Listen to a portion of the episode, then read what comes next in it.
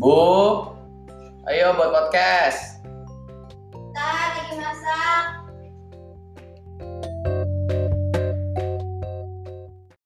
Assalamualaikum warahmatullahi wabarakatuh. Hai, Kembali lagi di Cerita Senin, Cerita Sena. dan Anin. Ya, apa kabar semuanya? Kita tiga episode udah lewat dan ini kita sekarang tetap merekord podcast ini walaupun kita lagi baby moon. Yes. Karena Benar. anak kita lima bulan, jadi ini salah satu kesempatan kita pergi dan kita Lima sekarang bulan. Ah, lima bulan. lima bulan dua minggu ya. Lima bulan dua minggu. Ya, berarti 22 weeks ini dan ini salah satu kesempatan kita pergi masih cuman berdua ya sebelum jadi bertiga. Pergi terakhir berdua. Ya, tapi kita terus semangat membuat podcast ini di mana pun kita berada karena text to anchor ya. Oke, episode kali ini gue mau bahas tentang balik lagi ke yang berfaedah setelah kita maki Mel minggu lalu. Gue udah bilang juga gue mau bahas tentang sebelum eh, pernikahan ada fase dua bulan, satu bulan sebelum Agustus itu di mana Anin itu marah-marah mulu. Mungkin banyak yang udah familiar sama terms bridezilla. Bride Godzilla. Sekalian gue pengen nanya ke Anin juga di sini. Menurut kamu tuh kamu kenapa sih waktu itu? Kenapa kayaknya hal kecil banget yang aku lakuin dari cuman kamu minta ngelihat baju terus aku bilang nggak bisa karena hal suatu hal yang lain tiba-tiba akhirnya kita ngaji ngeliat baju doang ngambeknya sampai wah sampai kayaknya gila banget lah menurut kamu sendiri itu kenapa Aku sih personally aku nggak sadar ya kalau misalkan aku mengalami hal itu. emang ya kamu ya sendiri jadi kayak pada masa itu kamu merasa itu adalah hal yang wajar gitu marah-marah Ya biasa aja, kayak aku marah biasa aja.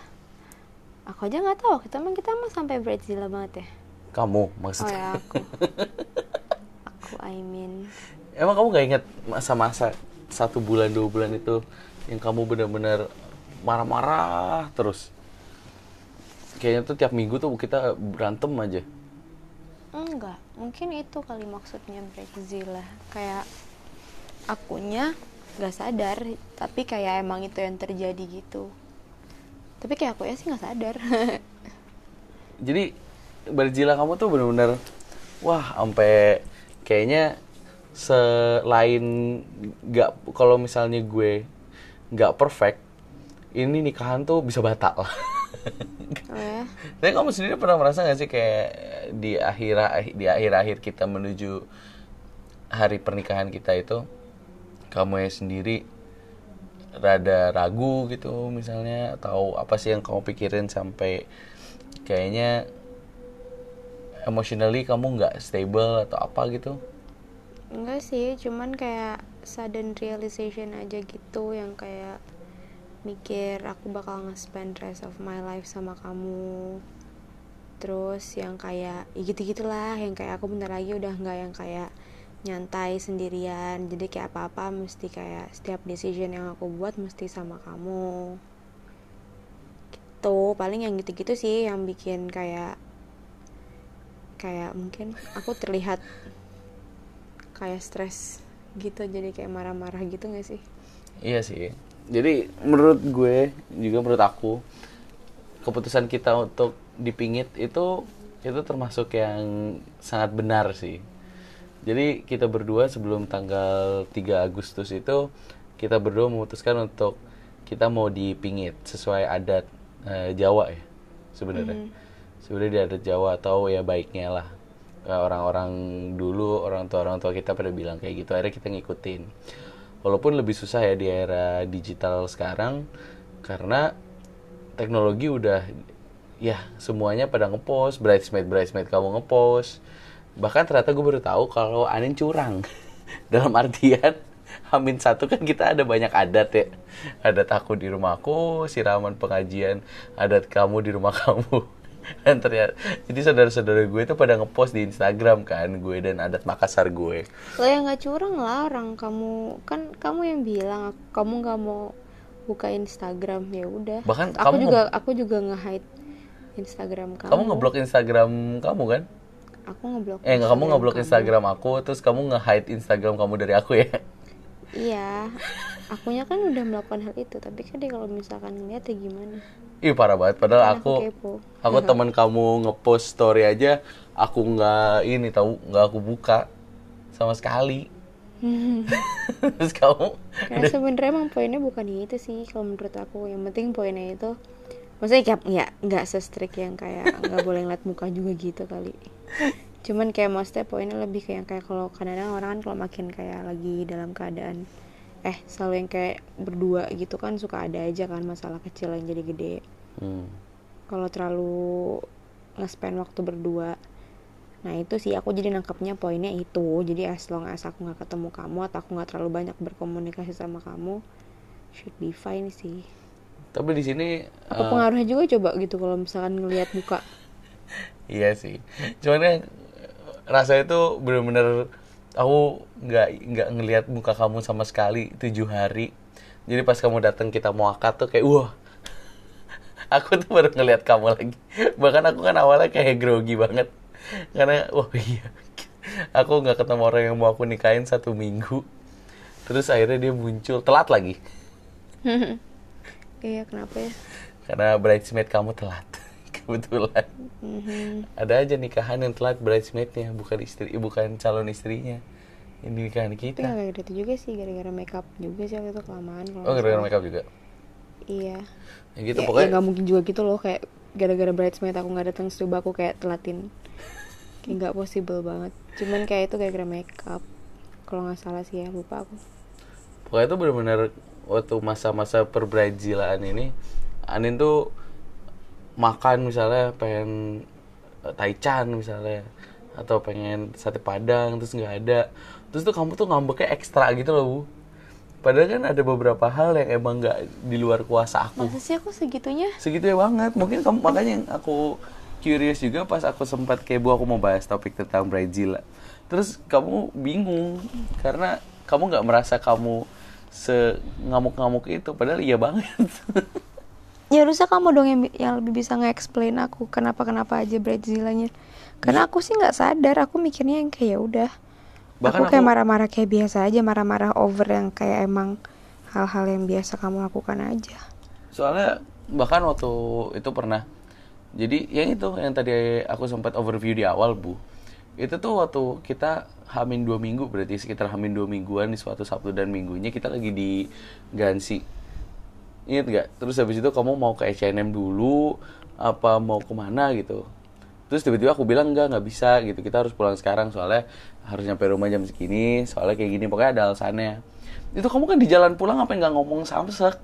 Ingat gak sih? Masih. Yang kamu sampai sampai akhirnya itu aku ngerasa wah eh, lama-lama kalau kayak gini terus aku aku jadi yang akhirnya aku yang kesel juga akhirnya finally aku yang ngerasa wah ini kalau misalnya seumur hidup aku cuman gak nurutin dikit kayak gini terus kamu marahnya kayak gitu kacau banget ini bisa-bisa.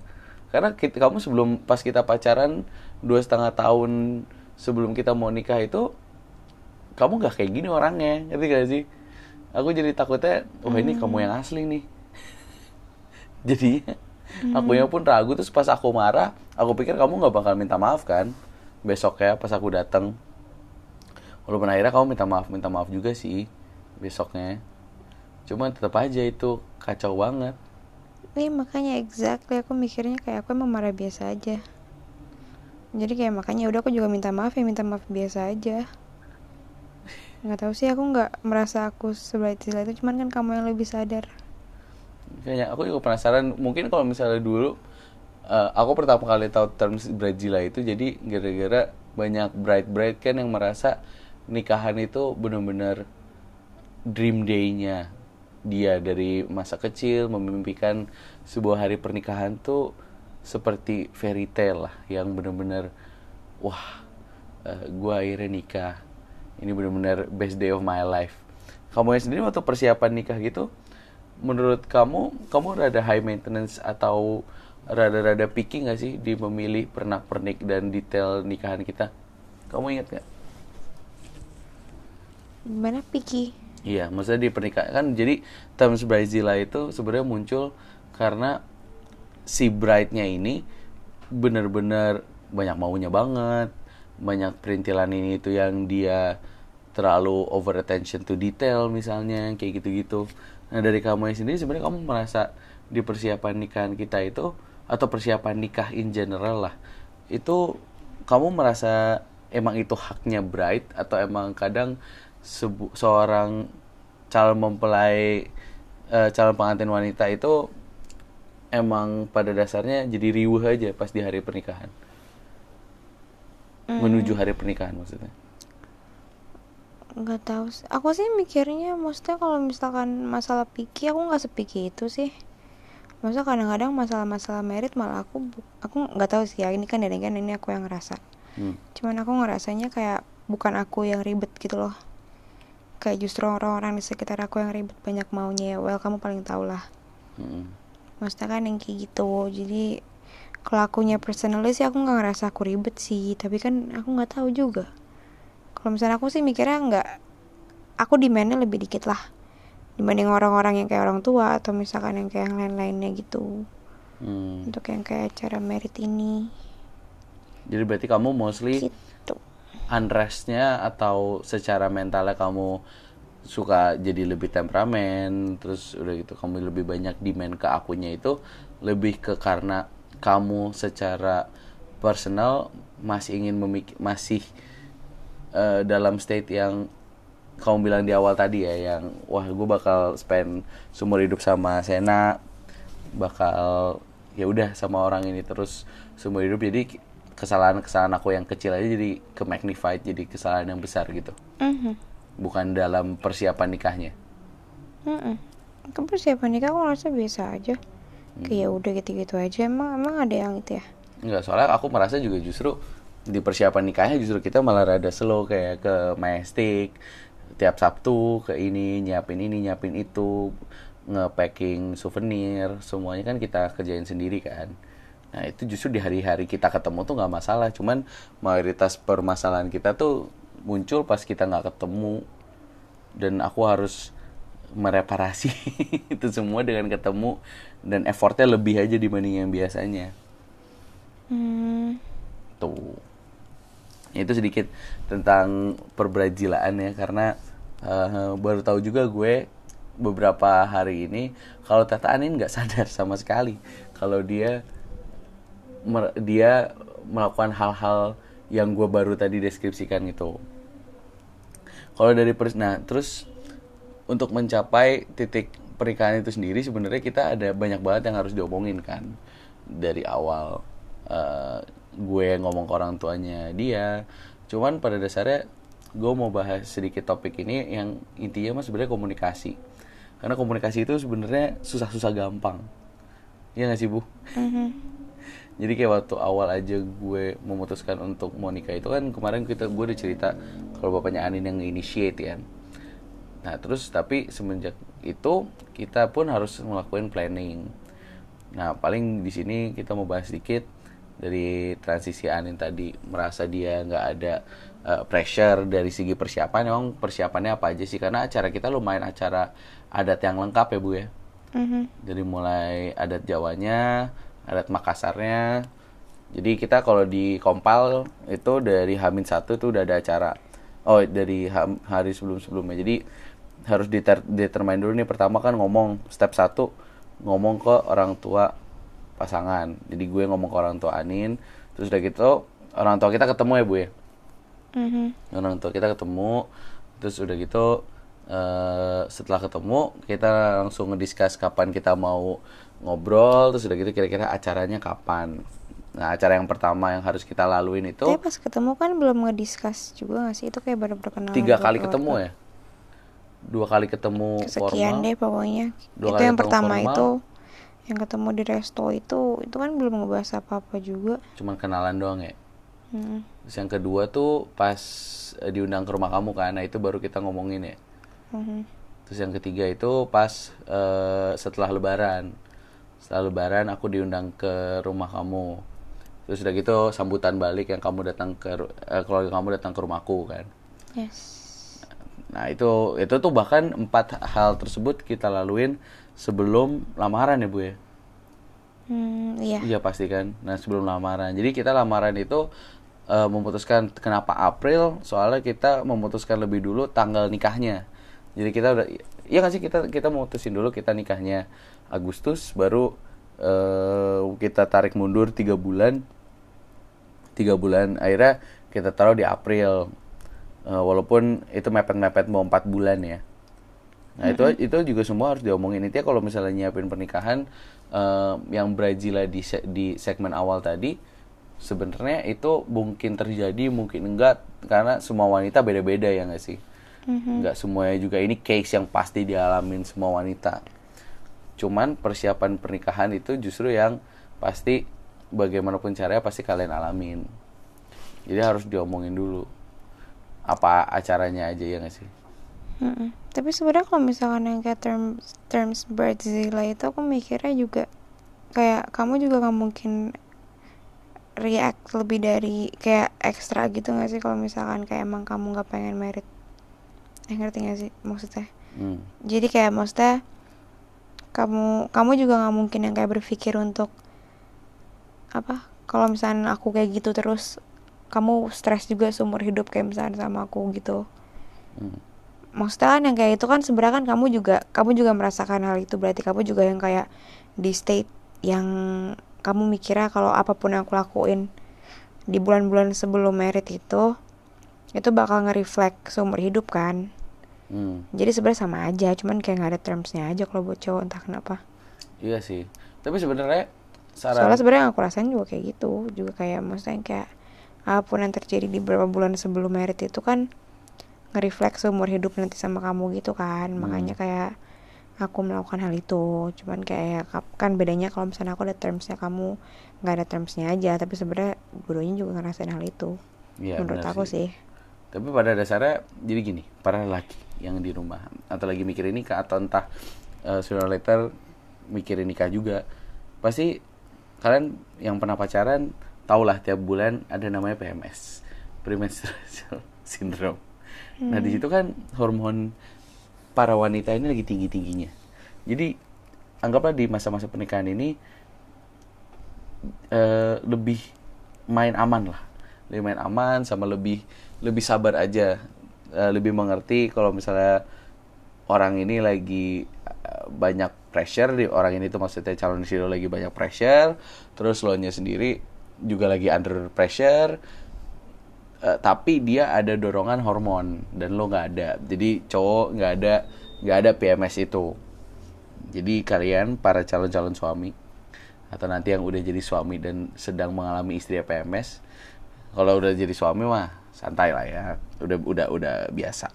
Cuman yang belum belum ini eh, jangan langsung membuat keputusan atau marah balik di saat calon istri lo lagi stres, lagi PMS, campur Brazila Brazila ini. Tapi emang ada ya yang sampai kayak gitu sampai kayak gagal gara-gara hal ini? Yang aku tahu Kayak gagal. banget nih biasanya gara-gara keluarga yang atau aku tahu gara-gara gagal ada. tuh tapi kan hubungan sampai ke keluarga dan kawan-kawannya itu pasti dijembatanin sama si si omongan dua orang ini dulu nggak sih? Si pasangan Maksudnya? utamanya.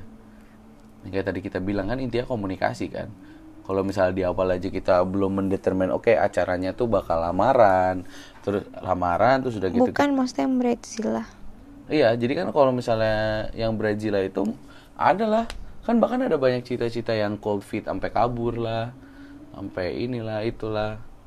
Maksudnya nggak se perjalanan merit semua orang of yang nggak se mulus itu juga semuanya gitu loh. Hmm. Makanya dari awal yang tadi gue bilang juga emang harus diomongin dari awal kayak komunikasi itu benar-benar kunci dari kenapa gue manin memutuskan untuk nikah muda juga itu awalnya banget karena komunikasi. Jadi gue gue nggak gue nggak sekaget itu Anin lash out dan kawan-kawannya saat dia lagi mode tanda kutip Brazil ini karena gua gua udah tahu banget lah emang Anin orangnya tuh nggak kayak gini jadi gue lebih gampang mengerti ini janganlah eh, ini bukan Anin yang asli walaupun di saat-saat itu pun gue butuh ngomong sama orang untuk melampiaskan kekesalan gue ke Anin. Karena seberapa kesal ya lu sama Anin itu jangan lo omongin ke orang tua. Karena orang tua tuh nggak akan tahu sebenarnya apa yang lagi dialamin sama si anak-anak yang mau nikah ini.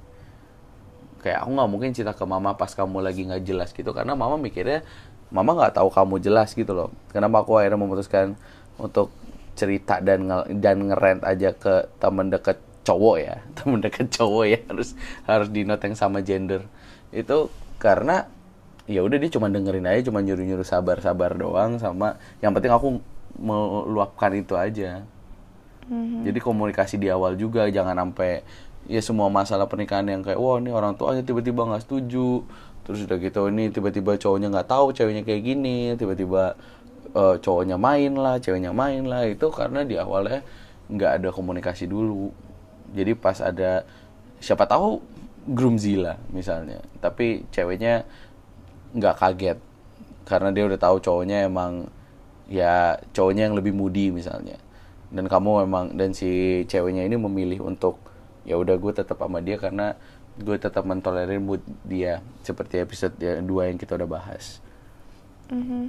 jadi intinya eh, sebelum gue menutup episode ini eh, gue cuma mau bilang untuk kalian yang hari ini banyak yang nikah ya hari ini banyak yang nikah congratulations tanggal 9 Februari kita record ini congrats buat kalian dan untuk yang lagi mempersiapkan nikah eh, perbanyaklah komunikasi karena itulah eh, kunci fondasi dari pernikahan muda kita dan persiapan persiapannya jadi kontrol lah yang bisa kalian kontrol gitu. Iya, betul. ya sama minta doanya supaya bayi kita tetap sehat selalu. Dan sampai jumpa Senin depan. Bye bye Bye bye.